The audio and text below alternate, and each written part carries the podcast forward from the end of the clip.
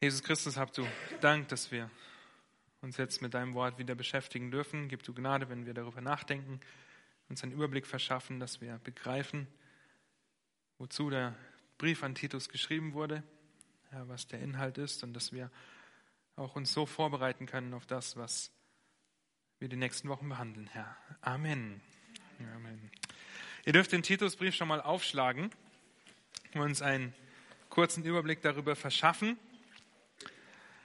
Paulus schreibt ihn an seinen Schützling Titus. Ja, Titus und Timotheus werden als seine Kinder im Glauben äh, bezeichnet von ihm.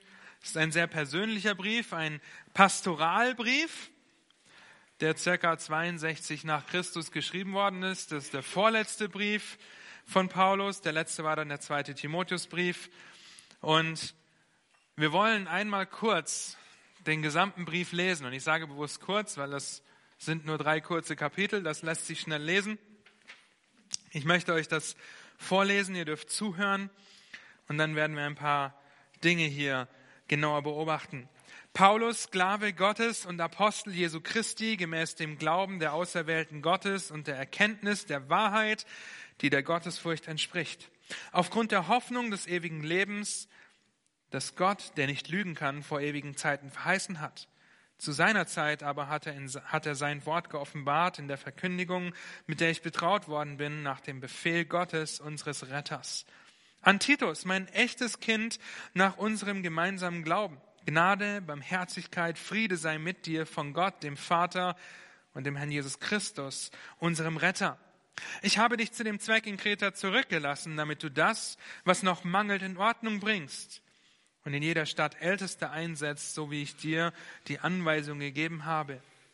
Wenn einer untadelig ist, Mann einer Frau und treue Kinder hat, über die keine Klage wegen Ausschweifung oder Aufsässigkeiten vorliegt, denn ein Aufseher muss untadelig sein als ein Haushalter Gottes, nicht eigenmächtig, nicht jähzornig, nicht der Trunkenheit ergeben, nicht gewalttätig, nicht nach schändlichem Gewinn strebend, sondern gastfreundlich, das Gute liebend, besonnen, gerecht, heilig, beherrscht.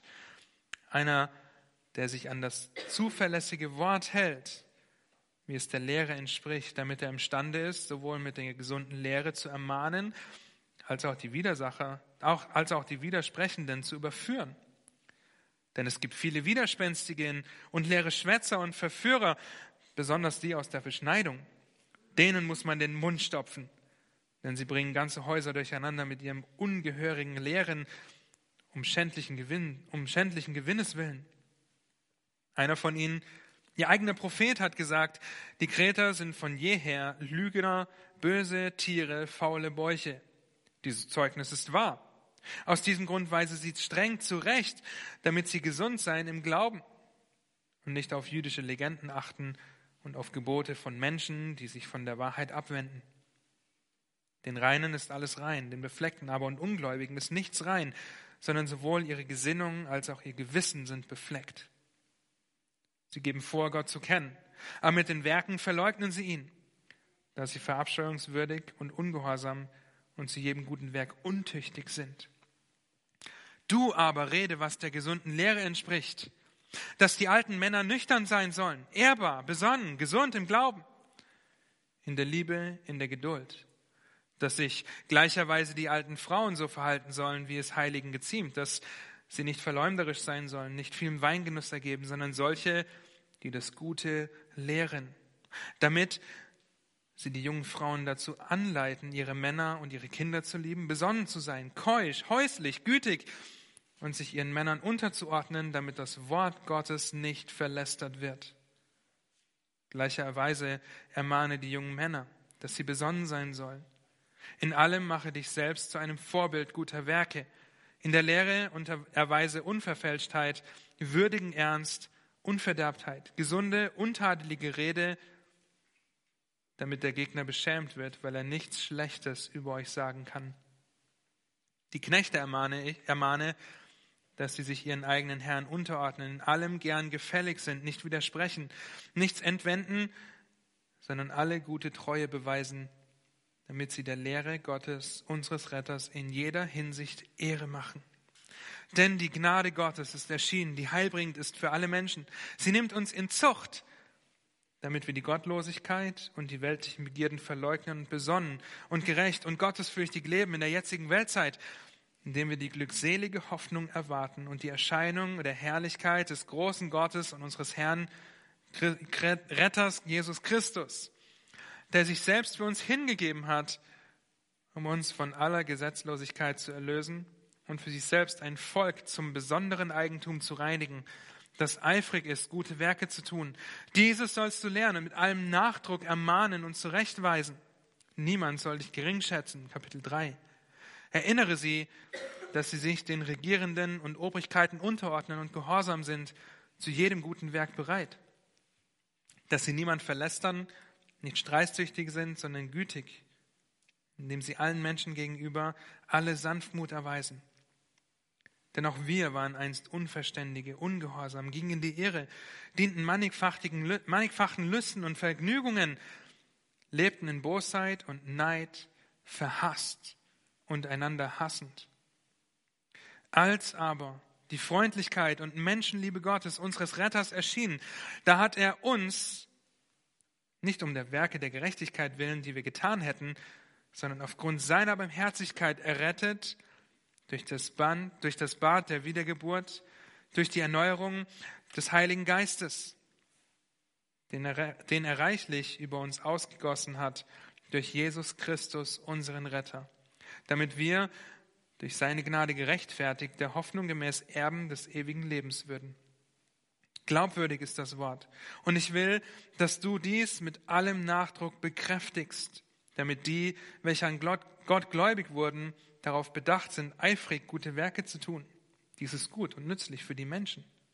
Die törichten Streitfragen aber und Geschlechtsregister sowie Zwistigkeiten und Auseinandersetzungen über das Gesetz meide, denn sie sind unnütz und nichtig. Einen sektiererischen Menschen weise nach ein- und zweimaliger Zurechtweisung ab, da du weißt, dass ein solcher verkehrt ist und sündigt und sich selbst verurteilt hat. Wenn ich Artemas zu dir senden werde oder Tychicus, so beeile dich, zu mir nach Nikopolis zu kommen, denn ich habe beschlossen, dort zu überwintern. Zenas, der Schriftgelehrte, und Apollos schicke eilends voraus und lasse es ihnen an nichts fehlen. Die unseren sollen aber auch lernen, zur Behebung der dringenden Nöte eifrig gute Werke zu tun, damit sie nicht unfruchtbar sind. Es grüßen dich alle, die bei mir sind. Grüße diejenigen, die uns lieben im Glauben. Die Gnade sei mit euch allen. Amen. Nicht mal zehn Minuten gedauert, okay? Ein sehr ermutigender Brief an einen Hirten, den Paulus zurückgelassen hat, um das, was noch mangelt, in Ordnung zu bringen. Kapitel 1, Vers 5. Wenn ihr eifrig mitgelesen habt, dann sind euch vielleicht ein paar Dinge aufgefallen. Hier sind ein paar Gründe, warum Paulus schreibt und Titus auf Kreta zurückgelassen hat, um Älteste einzusetzen, um den Schwätzern und den Verführern den Mund zu stopfen. Ziemlich harte Worte eigentlich, ja, die wir uns so vor Augen halten müssen, dass Paulus nicht gesagt hat, ja, Gott ist ein Gott der Liebe und jeder, der kommt und irgendwas sagt, der darf hier kommen. Nein, Paulus sagt ganz deutlich, stopft den falschen Lehrern den Mund. Er nennt in anderen Bibelbüchern die falschen Lehrer sogar mit Namen, deswegen tun wir das auch.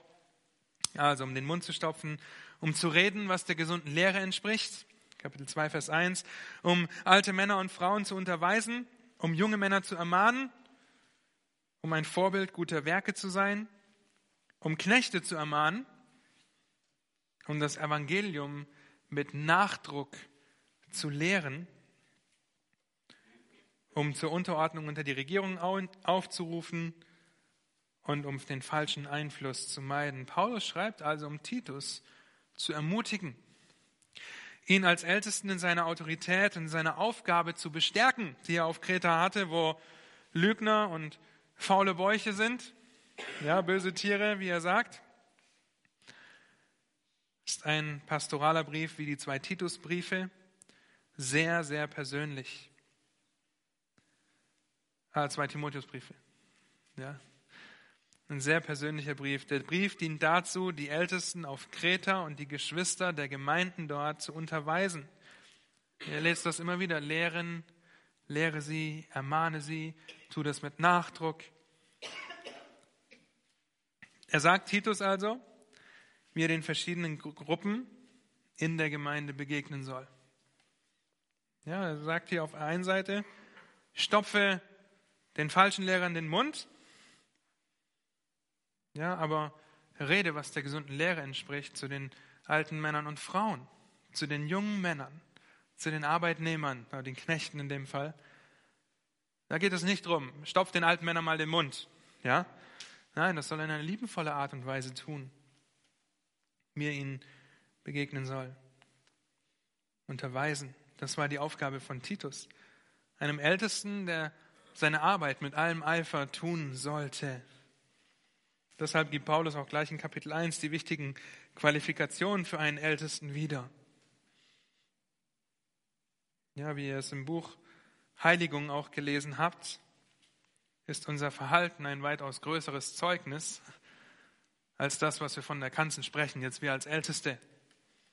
Ja, die Qualifikationen, wenn ihr sie durchlest, die haben nichts damit zu tun, sei ein guter Redner von der Kanzel runter, ja, sondern sie haben alle was mit dem Charakter eines Lehrers, eines Hirten zu tun.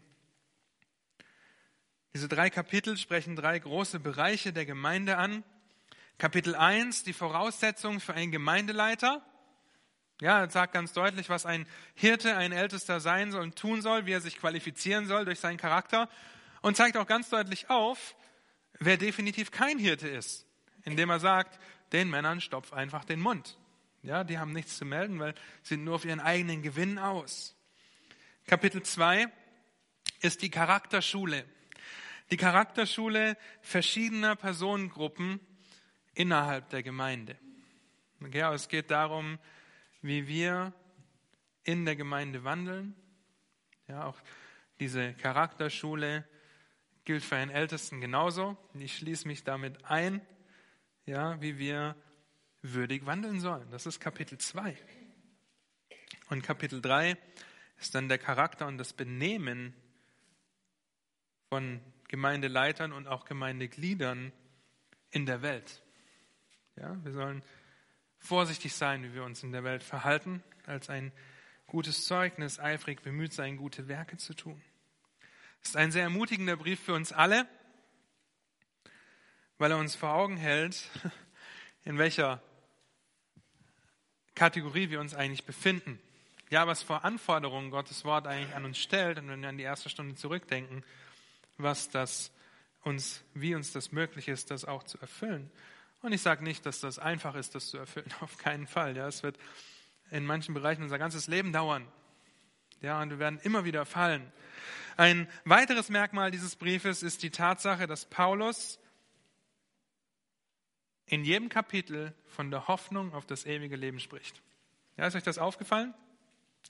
Gleich in Kapitel 1, ganz vorne in Vers 3, Vers 2 ist das, aufgrund der Hoffnung des ewigen Lebens. Ja, davon spricht er. Weil wir diese Hoffnung haben, sagt Paulus, durch das Evangelium, was er in Kapitel 2 und 3 zweimal ausführt, deshalb lasst uns so wandeln. Ja, deshalb lasst uns das tun, auf die Hoffnung hin, heilig leben, weil wir Hoffnung haben, die Ewigkeit einmal in der Gegenwart des Vaters zu verbringen. Und Paulus sagt nicht, hoffentlich verbringe ich die Ewigkeit beim Vater. Ja, das ist ein großer Unterschied. Ob ich weiß und deshalb darauf hoffen kann, mich auf etwas freuen kann, was vor mir liegt, oder ob ich sage, hoffentlich passiert das und das.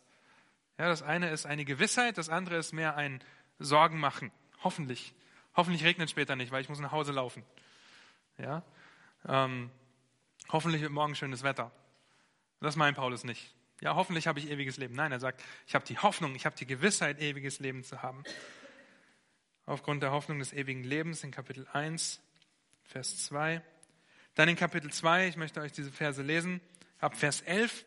Denn die Gnade Gottes ist erschienen, die heilbringend ist für alle Menschen. Sie nimmt uns in Zucht, das heißt, sie trainiert uns, sie unterweist uns dasselbe Wort, was Paulus dafür verwendet, wenn er im Epheserbrief davon spricht, dass wir unsere Kinder in der Zucht und der Mahnung des Herrn großziehen sollen. Okay? Damit wir die Gottseligkeit, die Gottlosigkeit und die weltlichen Begierden verleugnen, wir können das ablegen, weil uns die Gnade Gottes erschienen ist. Und wir können anlegen, besonnen und gerecht und gottesfürchtig zu leben in der jetzigen Weltzeit, indem wir die glückselige Hoffnung erwarten und die Erscheinung der Herrlichkeit unseres großen Gottes und unseres Retters Jesus Christus, der sich selbst für uns hingegeben hat, um uns von aller Gesetzlosigkeit zu erlösen und sich selbst ein Volk zum besonderen Eigentum zu reinigen, das eifrig ist, gute Werke zu tun. Dies sollst du lehren und mit allem Nachdruck ermahnen und zurechtweisen. Niemand soll dich gering schätzen. Auf die Hoffnung hin, die wir erwarten. Wir werden hier aufgefordert, ein gutes Zeugnis zu sein. Es ist die unermessliche und überwältigende Gnade Gottes, die uns in Christus zuteil wird und die uns in Zucht nimmt, die uns unterweist, die uns trainiert. Hoffentlich bist du dir dieser Gnade bewusst, ja, die wir, die uns zuteil wird. Wozu trainiert uns die Gnade? Zum Ablegen der Gottlosigkeit und der weltlichen Begierden und zum Anlegen der Besonnenheit, der Gerechtigkeit, der Gottesfurcht. Und ihr seht ja schon, gerade wenn es dann von den jüngeren Frauen heißt, dass sie besonnen sein sollen, das trifft jeden. Wie können wir das tun? Wir erwarten die glückselige Hoffnung, wir erwarten die Erscheinung der Herrlichkeit unseres großen Gottes und Retters, Jesus Christus. Warum können wir das tun? Was hat Christus für uns getan? Er hat sich selbst für uns hingegeben. Er hat uns von aller Gesetzlosigkeit erlöst. Er hat uns als ein Volk seines besonderen Eigentums abgesondert. Eine kleine Notiz am Rand. Paulus spricht hier nicht davon, dass wir jetzt Gottes Volk sind und Israel ersetzt haben, ja, sondern einfach, dass wir ein, eine besondere Gruppe sind, die Gott nochmal abgesondert hat. Und deshalb tun wir gute Werke. Deshalb sind wir eifrig dabei, gute Werke zu tun, weil wir Frieden mit Gott haben. Weil wir Freunde Gottes sind, weil wir Gott Vater nennen können. Er ist nicht mehr unser Feind, er ist nicht mehr unser Richter. Aus Liebe zu Gott tun wir, was wir tun. Und das sollte Titus lernen, mit allem Nachdruck. Ermahnen und zurechtweisen. Es ist sehr ernst, dass das Evangelium richtig verstanden wird und dass es richtig angewandt wird. Damals auf Kreta und heute bei uns in der Gemeinde ganz genauso. Das betrifft jeden, der sich Kind Gottes nennt. Und deshalb könnte heute auch hier jeder eigentlich dabei sitzen. Ähm, und dann heißt es in Kapitel 3 ab Vers 3, denn auch wir waren einst unverständig, ungehorsam, gingen in die Irre, dienen mannigfachtigen Lüsten und Vergnügen, lebten in Bosheit und Neid, verhasst und einander hassend. Als aber, und das ist der Bruch, der Kontrast, das Gegenteil, die Freundlichkeit und Menschenliebe Gottes, unseres Retters, erschienen, da hat er uns, nicht um der Werke der Gerechtigkeit willen, die wir getan hätten, sondern aufgrund seiner Barmherzigkeit errettet, durch das Bad der Wiedergeburt und durch die Erneuerung des Heiligen Geistes, den er reichlich über uns ausgegossen hat durch Jesus Christus, unseren Retter, damit wir durch seine Gnade gerechtfertigt, der was? Der Hoffnung gemäß Erben des ewigen Lebens würden. Glaubwürdig ist das Wort und ich will, dass du, Titus, dies mit allem Nachdruck bekräftigst, damit die, welche an Gott gläubig wurden, darauf bedacht sind, eifrig gute Werke zu tun. Dies ist gut und nützlich für die Menschen. Ja, ihr seht schon, zweimal beendet er diesen Abschnitt in Kapitel 2 und auch in Kapitel 3, dass Titus das mit Nachdruck verkünden soll. Das ist wichtig, dass wir das verstehen, dass das Evangelium uns nicht nur rettet, sondern uns auch die Grundlage gibt, warum wir ein Zeugnis sein können und wollen. Paulus macht den Geschwistern auf Kreta und Titus bewusst, woher wir kommen. Wir waren unverständig, wir waren ungehorsam, gingen in die Irre, lebten in Bosheit. Und wenn wir so lebten, und in manchen Bereichen wahrscheinlich auch bis ans Ende unseres Lebens kämpfen werden, dann müssen wir uns vor Augen halten, gegen wen sich diese Rebellion im Endeffekt gerichtet hat. Verhasst und einander hassend. Im Endeffekt richtet sich das gegen Gott selbst. Ja? Wenn wir einander hassen, dann hassen wir Gott. Wenn wir mannigfaltigen Lüsten und Vergnügungen nachgehen, dann sagen wir Gott ist nicht genug. Es richtet sich immer gegen Gott. Sünde richtet sich immer gegen Gott. Und wenn wir uns das vor Augen halten und einmal mit einem Krieg vergleichen, du ziehst in einen Krieg mit deinen neuen, neun weiteren Kumpanen, ziehst in den Krieg gegen einen König, weil du ihn nicht leiden kannst, der mit zehn Milliarden Mann vor dir steht und du mit deinen zehn mickrigen Leuten, können auch tausend sein, ist eigentlich relativ egal, stellst dich gegen ihn, weil du diesen König hast, weil du gegen ihn rebellieren willst, wirklich voll Bosheit bist. Nun und dann, dann schickt dieser König seinen einzigen Sohn als Zeichen seiner Versöhnungsbereitschaft und du, ah, wir sind zu zehn, da kommt einer, lass uns ihn einfach kurzerhand umbringen. Wir sind ja hier im Krieg. Nun, auf wundersame Weise steht dieser Sohn aus den Toten wieder auf und reicht dir seine Hand in Freundlichkeit, in Menschenliebe. Das ist das Bild, ja, das wir uns vor Augen halten können. Wir sind Feinde Gottes und Gott sendet seinen Sohn. Wir haben nichts Besseres zu tun, als Gott selbst ans Kreuz zu nageln Und er stirbt am Kreuz, um uns zu erretten, uns von Feinden zu Freuden zu machen. Und das heißt es im Text. Vers 4. Als aber die Freundlichkeit und Menschenliebe Gottes, unseres Retters, erschien. Nicht aus eigener Kraft, nichts aus eigenem Ehrgeiz, Stolz oder guten Werken. Gott ist es, der rettet. Okay, und das müssen wir uns vor Augen halten. Gott ist es, der gute Werke tut, damit wir darin wandeln. Es geht also um Gott. Was war auf einmal los, als diese Herrlichkeit erschienen ist? Heißt es, er hat uns aufgrund der Barmherzigkeit gerettet, das ist alles hier im Text noch. Er hat uns durch das Bad der Wiedergeburt, durch die Erneuerung des Heiligen Geistes errettet. Er hat uns erneuert, er hat uns den Heiligen Geist reichlich ausgegossen über uns. Und wozu? Vers 7. Damit. Geht mit einem damit los. Warum hat Gott das alles gemacht? Was ist der Zweck dazu? Damit wir durch seine Gnade gerechtfertigt, die der Hoffnung gemäß Erben des ewigen Lebens würden. Ja, da steht nicht, damit wir Erben des ewigen Lebens werden könnten, eventuell irgendwann mal, sondern es ist ein abgeschlossener Prozess. Es ist abgeschlossen mit dem Zeitpunkt deiner Errettung bist du ein Erbe des ewigen Lebens. Und das kann dir niemand nehmen. Und deshalb sollte Titus das mit einem Nachdruck verkündigen, weil du ein Erbe Gottes bist, Hoffnung auf das ewige Leben hast. Und jetzt verhalte dich auch so. Jetzt verhalte dich auch so. Jetzt bring das auch zum Vorschein. Das sollte Titus mit allem Nachdruck bekräftigen. Wir Gläubige sollten unserem Stand entsprechend auch uns verhalten.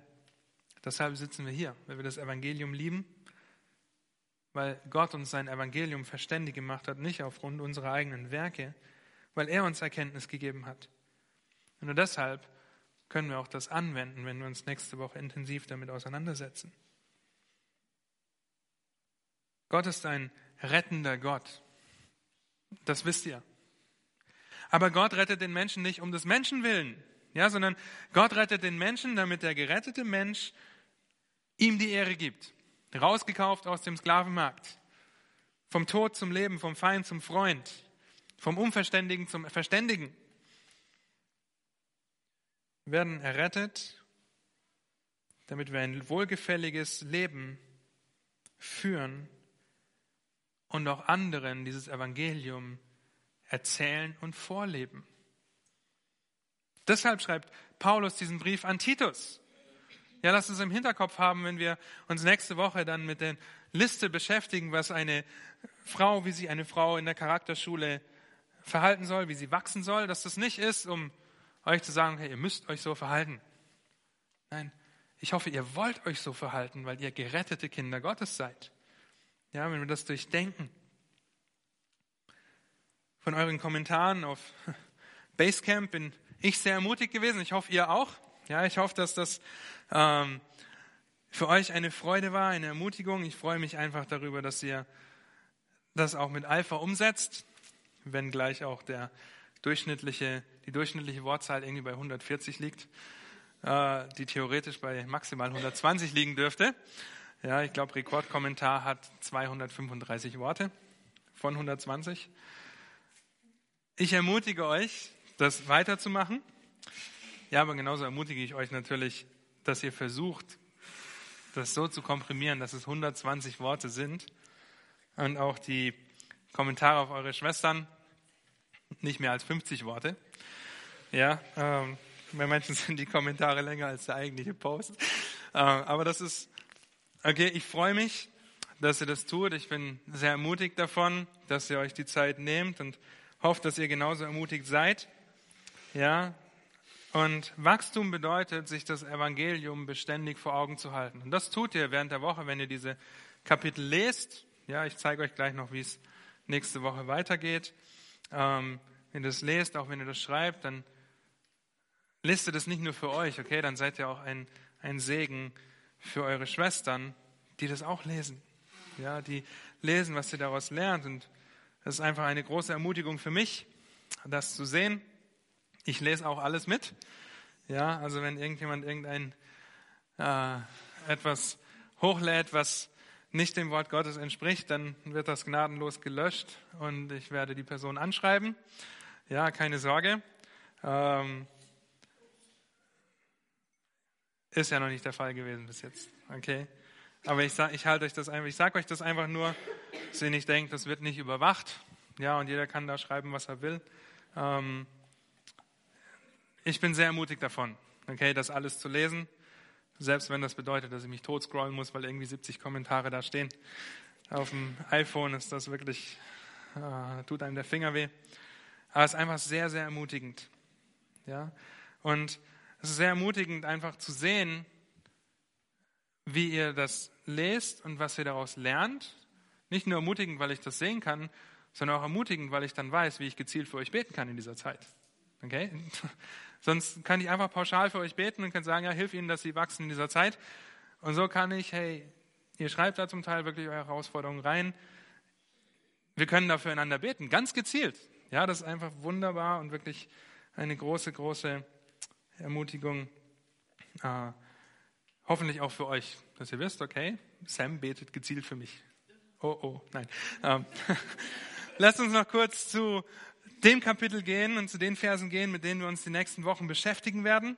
Kapitel 2, Kapitel 2 ab Vers 1.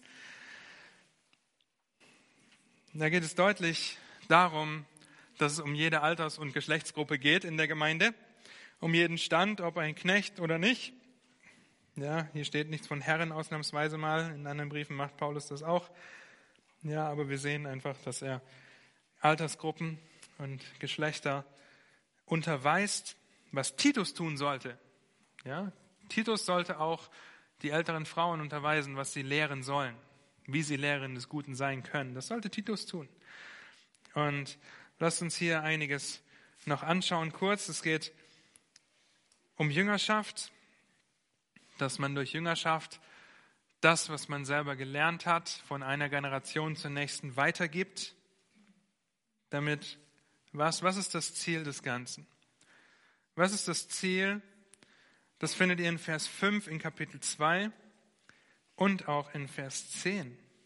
Okay, das Ziel ist, damit das Wort Gottes nicht verlästert wird. Das ist das Ziel des Ganzen. Ja, das, unser Ziel sollte sein, Gottes Wort nicht zu verlästern und nicht jetzt, okay, hier ist eine Liste, die musst du umsetzen, dann bist du eine gute Frau oder dann bist du ein guter Mann. Nein, damit das Wort Gottes nicht verlästert wird. Und dann in Vers 10 heißt es, damit sie der Lehre Gottes, unseres Retters, in jeder Hinsicht Ehre machen. Dasselbe Prinzip. Ja? Es geht also in Kapitel 2 darum, dass das Wort Gottes nicht durch unser Fehlverhalten verlästert wird. Und nicht, dass wir hier eine Liste haben, wie wir uns verhalten müssen, damit wir tolle Frauen oder Männer sind. Ja, es geht um Gott und Gottes Wort. Das können wir im Text sehen. Im Vers 1 hält Paulus Titus dazu an, das zu reden, was der gesunden Lehre entspricht. Hygiano, Hygiene, das Wort kennt ihr. Ja, das ist das griechische Wort, was hier für gesund benutzt wird. In Kapitel 1 auch schon häufig. In Kapitel 2 seht ihr das auch, dann in Vers 2, dass die alten Männer nüchtern sein sollen, ehrbar, besonnen, gesund im Glauben. Dasselbe Wort. Hygiene, Hygienos. Und Wikipedia definiert Hygiene folgendermaßen. Zitat. Es ist wichtig, dass wir uns das vor Augen halten, was denn Hygiene eigentlich ist. Ja, es ist, Hygiene ist die bewusste Vermeidung von aller der Gesundheit drohenden Gefahren und die Betätigung gesundheitsmehrender Handlungen. Habt ihr das verstanden? Das heißt, Hygiene, dieses Wort bedeutet, bewusst alles zu vermeiden, was uns irgendwie krank machen kann. Okay? Aber da hört es nicht auf, sondern es bedeutet auch, ganz bewusst sich darin zu betätigen, das zu tun, was uns gesund hält. Ja? Das ist vielleicht ein bisschen einfacher als Wikipedia. Ähm, könnt es auch nochmal nachlesen auf Wikipedia. Ja, aber es geht darum, dass wir alles versuchen fernzuhalten, was uns irgendwie krank machen könnte. Und dann bezieht das mal auf Gottes Wort. Okay? Wir sollen alles von uns fernhalten, was Gottes Wort irgendwie widerspricht. Und wir sollen alles daran setzen, Gottes Wort in unserem Leben mehr und mehr zur Anwendung zu bringen. Ja, uns mehr zu mehr zu waschen in Gottes Wort, könnt ihr auch so sagen. Ja, um die Hygiene, die Hygiene der Lehrer, die gesunde Lehre. Das soll Timotheus reden. Das ist das Wort, was hier benutzt wird, Hygiene. Seht ihr, ihr könnt Griechisch, meine Güte. Es ist eine bewusste Vermeidung aller Gefahren, die meine Gesundheit gefährden könnten. Okay?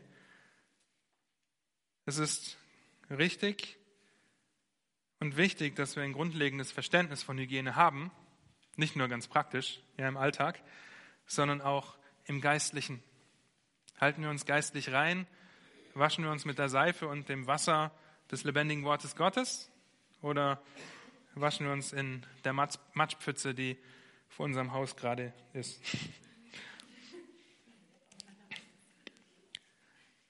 Wenn wir Hygiene nicht richtig verstehen, dann können wir es auch nicht richtig anwenden. Okay? Es lässt sich nicht anwenden und Paulus macht das Titus deutlich, halte dich an die gesunden Lehre. Es geht darum, gesund zu sein. Es geht aber auch darum, Krankheit zu meiden. Deswegen soll er den Mund stopfen. Kapitel 1 gesunde Lehre reden, mit Worten verkündigen. Ja, hier sagt er wirklich mit Worten verkündigen und dann in Vers 7, mach dich selbst zu einem Vorbild guter Werke. Also reden und handeln sollen im Einklang stehen. Und das trifft jede Gruppe in der Gemeinde. Als erstes ältere und Männer und Frauen. Was sollten ältere Männer und Frauen in ihrem Leben umsetzen? Sie sollten nüchtern sein, besonnen sein, gesund im Glauben, in der Liebe, in der Geduld. Jetzt sagt ihr vielleicht, das steht doch nur in Vers 1. Gilt doch nur für die alten Männer. Aber was steht in Vers 2? Warum das auch für die älteren Frauen gilt? Gleicherweise, richtig, ja? Gleicherweise auch die Frauen. Ältere Frauen sollen sich ebenso verhalten wie es Heiligen geziemt. Und dann kommen noch ein paar weitere Eigenschaften für ältere Frauen. Sie sollen nicht verleumderisch sein, nicht dem vielen Weingenuss ergeben. Das steht vorher auch schon drin. Sie sollen eine Lehrerin des Guten sein. Nun, wenn wir Hygiene in unserem Glauben haben, einen gesunden Glauben haben und gesunde Lehre haben, dann ist das auch möglich. Und ich bin sehr dankbar, dass wir hier in der Gemeinde sein dürfen, wo uns das ermöglicht wird, eine gesunde Lehre zu haben. Ja? Der gesunde Glauben, der setzt das, was die gesunde Lehre spricht, auch in die Tat um. Es ist wunderbar, diese Charakterschule durchgehen, Sünde abzulegen und Gerechtigkeit anzulegen. Und das ist ein lebenslanger Prozess, in dem ihr vielleicht noch nicht so lange steht, in dem ihr vielleicht auch sehr lange schon steht und einfach immer wieder feststellt, oh, ich muss die Sünde noch mehr abtöten, noch mehr ablegen und die Gerechtigkeit noch mehr anlegen.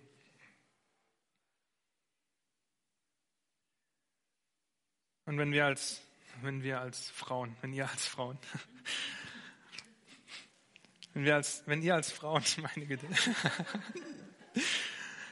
wenn ihr nicht daran arbeitet, eine Lehrerin des Guten zu werden oder schon zu sein,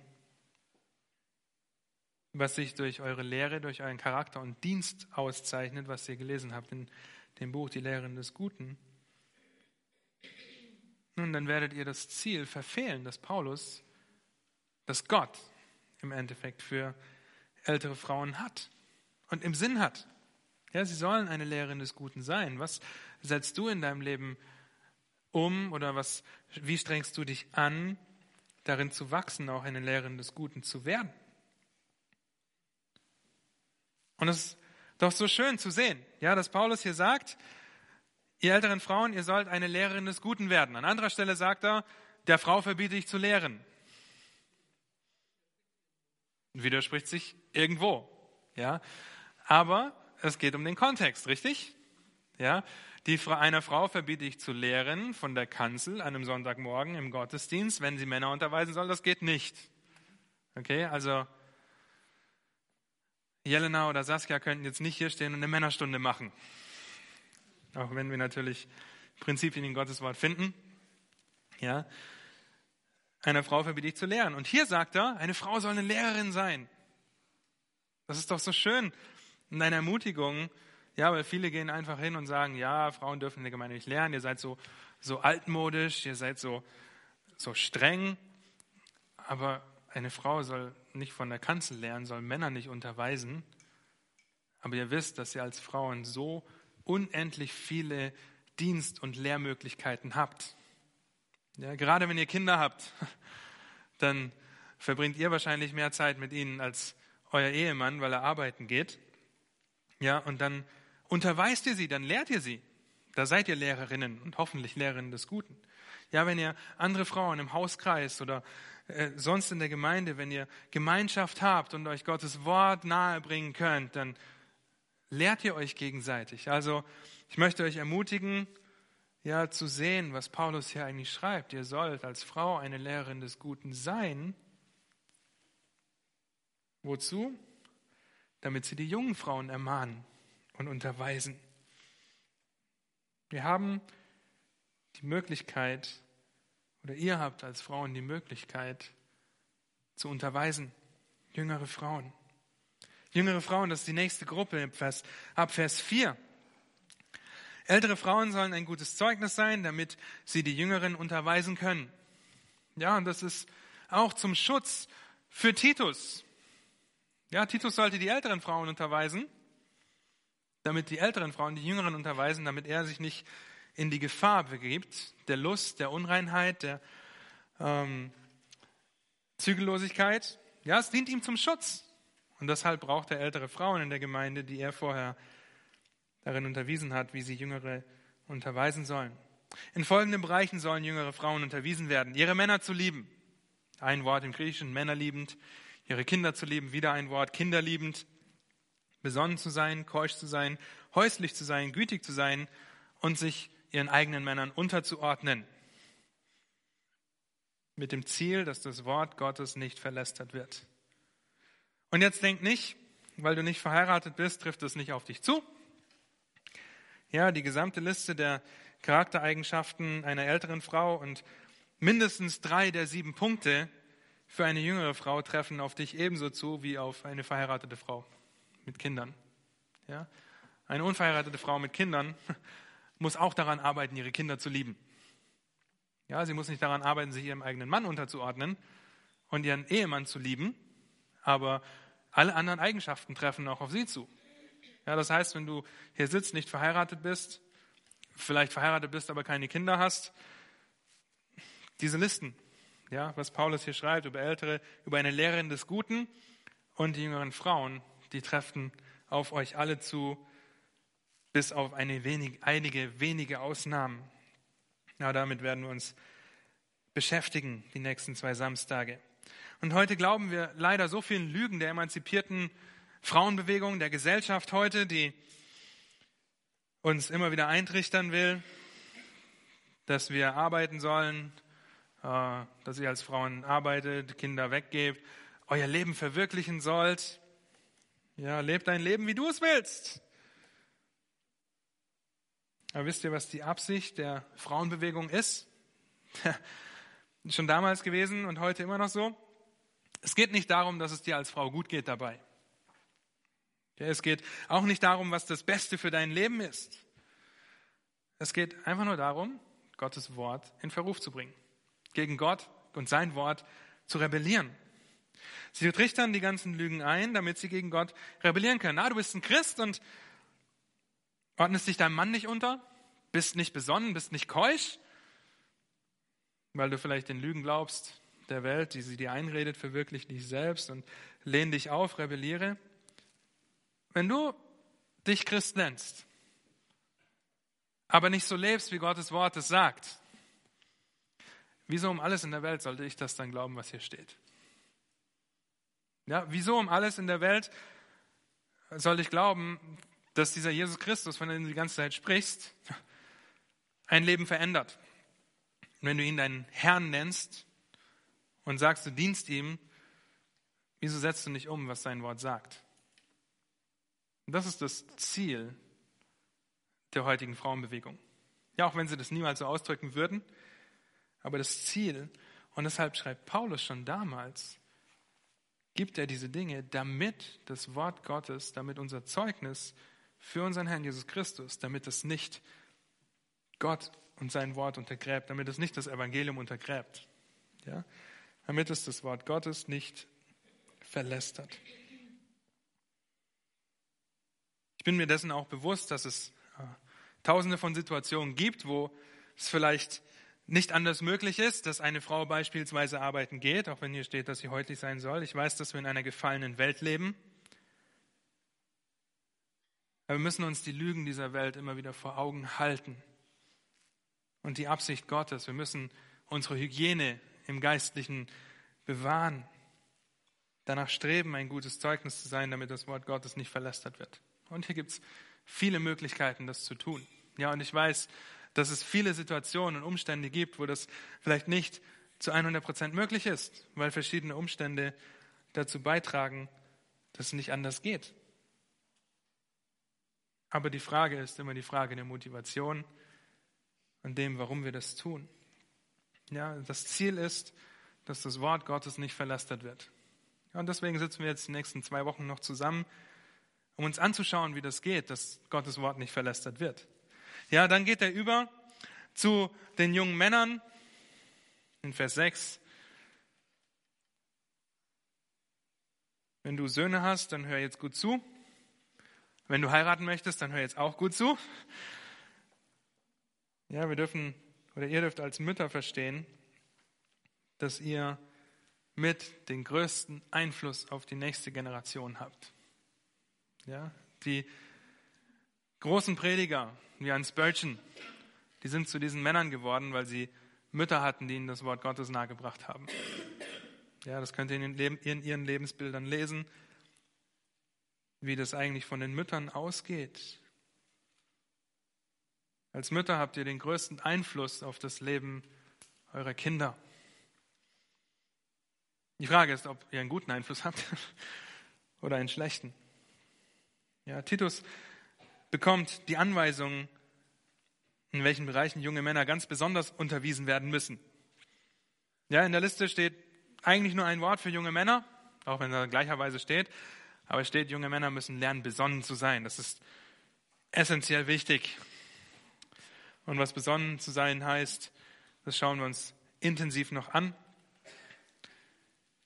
Und wie geht das?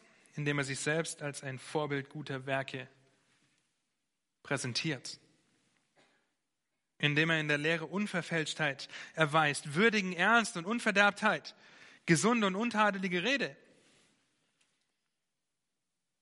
damit der Gegner nicht beschämt wird. Dasselbe. Das Ziel ist es, dass der Gegner nichts Schlechtes über uns und unseren Gott sagen kann. Was liest du gerade mit deinem Sohn in der Bibel? Wie lebst du ihm das vor, was du sagst? Stell dir diese Fragen, ganz bewusst. Aber auch wenn du gerne heiraten möchtest und vielleicht einen Mann im Auge hast oder irgendwann im Auge haben wirst, stell dir diese Fragen. Ist er besonnen? Ist er belehrbar? Wie geht er mit Sünde um? Und wie geht er vor allem mit Gottes Wort um? Deswegen auch für junge Männer gilt dasselbe, damit das Wort Gottes nicht verletzt, verlästert wird. Und dann zu guter Letzt die Arbeitnehmer, die Knechte, die sich unterordnen sollen und gern gefällig sein sollen. Wenn du arbeiten gehen musst, dann studier diese Verse mal. Ja, tust du deine Arbeit fröhlich, und gefällig? Sehen andere Leute das, dass du eine freudige Einstellung hast? Nun, warum Titus diese Anweisung geben sollte, wird deutlich ab Vers 11 dann in Kapitel 2, weil die Gnade Gottes erschienen ist. Und das nächste Mal werden wir uns mit dem Charakter der Lehrerin des Guten beschäftigen und schon die ersten zwei Dinge anschauen, die eine ältere Frau lehren soll. Das soll es gewesen sein. Bis hierhin. Lasst mich noch einmal kurz beten und dann sage ich noch ganz kurz was zu Basecamp, die letzten zwei Minuten, die ich noch habe. Und dann machen wir Schluss. Herr, habt ihr Dank für diesen wunderbaren Brief, den Titusbrief, den wir betrachten dürfen und auch in die Tiefe gehen dürfen in den nächsten Wochen. Habt ihr Dank, dass wir nicht nur eine Liste von Dingen sehen, die wir umsetzen sollen in unserem Leben, sondern dass das Ziel von dir geoffenbart wurde, nämlich damit du und dein Wort nicht verlästert wird, Herr. Ich bitte dich, dass wir ein Zeugnis sind für dich, dass wir dir die Ehre geben in dem Leben, das wir führen, dass wir uns dessen bewusst sind, dass es durch deine Gnade geschieht, Herr, und dass du derjenige bist, der durch unser Leben das Evangelium auch verkündigen möchte. Gebrauch du uns als Werkzeuge in deiner Hand und zu deiner Ehre, Herr. Amen. Amen. So, wenn ihr Basecamp dabei habt, ich weiß es nicht, okay? Ähm, ich kann es euch auch hier jetzt nicht zeigen, weil irgendwie die Technik ein bisschen verrückt spielt. Dann werdet ihr alle am Mittwoch eine Frage gestellt bekommen von Basecamp, nämlich, was hast du in dem Fall über die Dinge gelernt, die du gelesen hast. Ich glaube, Hingabe ist dran. Und ich muss hier gerade mal gucken. Frau mit Profil. Genau. Und ihr werdet alle diese Frage bekommen am Mittwoch. Wenn ihr das schon beantwortet habt, dann ist das, könnt ihr die Frage einfach ignorieren. Wenn ihr im Basecamp seid, in der Frauenstunde, dann habt ihr Austausch neu. Okay? Vielleicht habt ihr das schon gesehen. Und da seht ihr eigentlich die zwei gleichen Felder, nämlich Hingabe. Was hast du beim Lesen gelernt? Maximal 120 Worte. Ja, wenn ihr ähm, Worte zählen wollt, dann äh, Pages kann das, Open Office kann das, Microsoft Word kann das. Ja, es gibt also Möglichkeiten, das äh, zu zählen, ohne dass ihr am Bildschirm sitzen müsst. Eins, zwei, drei, vier. Okay.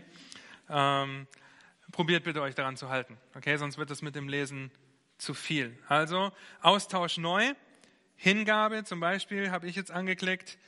Äh, und da seht ihr schon, dass Carola und Christine haben schon geantwortet. Ja, und ihr klickt einfach oben auf dieses grüne Feld Add your answer. Also füge deine Antwort hinzu, dann tippt ihr das und dann fügt ihr das hinzu. Und wenn ihr jetzt in der kommenden Woche und auch danach auf einen Beitrag antworten wollt, okay, dann drückt ihr auf Discuss diskutieren. Ja, es geht nicht ums Diskutieren, es geht ums Ermutigen, weil dann könnt ihr direkt unter diesem Blog einen Kommentar anlegen und man muss auch da draufklicken auf das, was jetzt Carola geschrieben hat zum Beispiel, um zu den Kommentaren zu kommen. Das heißt, auf dieser Seite, wenn ihr nicht auf Discuss drückt und wenn ihr da Fragen habt, dann könnt ihr gerne nochmal auf mich zukommen oder auf eine andere Frau hier oder auf eure Ehemänner ähm, wenn ihr nicht auf Discuss drückt, dann habt ihr nur die Hauptbeiträge von jeder Frau. Okay, was es übersichtlicher macht für euch und für mich. Okay, ähm, was es einfacher macht, ihr kriegt am Mittwoch alle die Frage gestellt, was ihr gelernt habt, was ihr gelesen habt. Ja, ob ihr eine Zusammenfassung schreibt oder schreibt, wie ihr das anwenden möchtet. ist euch überlassen. Versucht wirklich bitte die 120 Worte einzuhalten. Ähm, ich schreibe mir auf, wie viele Worte ihr braucht. Okay? Also ich habe da eine Tabelle, wo ich mir das alles eintrage. Äh, nur, dass ihr Bescheid wisst. Ja, das wird, wird kontrolliert und ab der nächsten Woche werde ich auch dann die Frauen anschreiben, die erheblich drüber sind. Ja, sind ein paar, einige.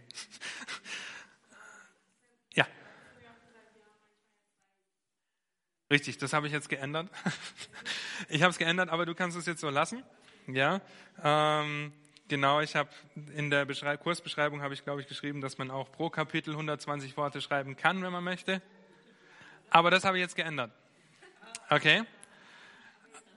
Das Ziel ist, pass auf, das Ziel dahinter ist, dass wir einen Austausch haben, wo man sich nicht kaputt liest, ja, weil es, die zwei Kapitel zu lesen und tausend Worte zu schreiben wäre ein leichtes. Okay? Äh, sondern wirklich darüber nachzudenken, wie kann ich das gut zusammenfassen, dass ich das auch gut wiedergeben kann. In 120 Worten. Nora.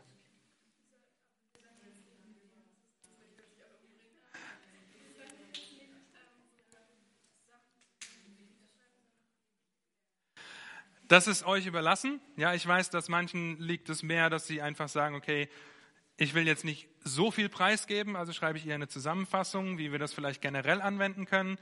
Andere sagen vielleicht, okay, hey, ich wurde hier wirklich überführt und ich möchte Zeugnis geben. Ja, also es ist ein bisschen euch überlassen.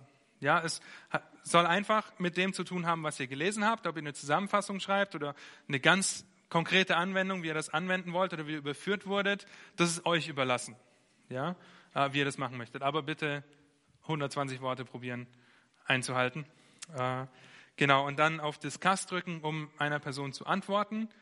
Das macht es nämlich wesentlich übersichtlicher. Und nächsten Montag, gleich Esther, nächsten Montag dann wird für das nächste Mal die gleichen Fragen werden hier reingeladen und ihr kriegt diese Fragen immer am Mittwoch. Bitte versucht auch bis Mittwoch eure Antworten zu schreiben ja, damit man dann bis Freitag noch Zeit hat, äh, auf die verschiedenen Antworten zu antworten, auf, zu diskutieren darüber, okay, zu ermutigen. Ähm, das macht es auch mir leichter, ja, dass ich einfach da ein bisschen besser den Überblick haben kann und nicht dann noch heute früh da sitzen muss und gucken muss, wer hat jetzt noch schnell was gepostet, gestern Abend um 23.40 Uhr. Ja, ist nicht der Fall gewesen, aber ähm, genau, wenn ihr das ähm, bis Mittwoch schafft, das ist sehr gut. Ähm, Donnerstag würde ich noch ein Auge zudrücken, aber Freitag wird dann schon spät, auch für mich das Ganze dann zu lesen. Esther.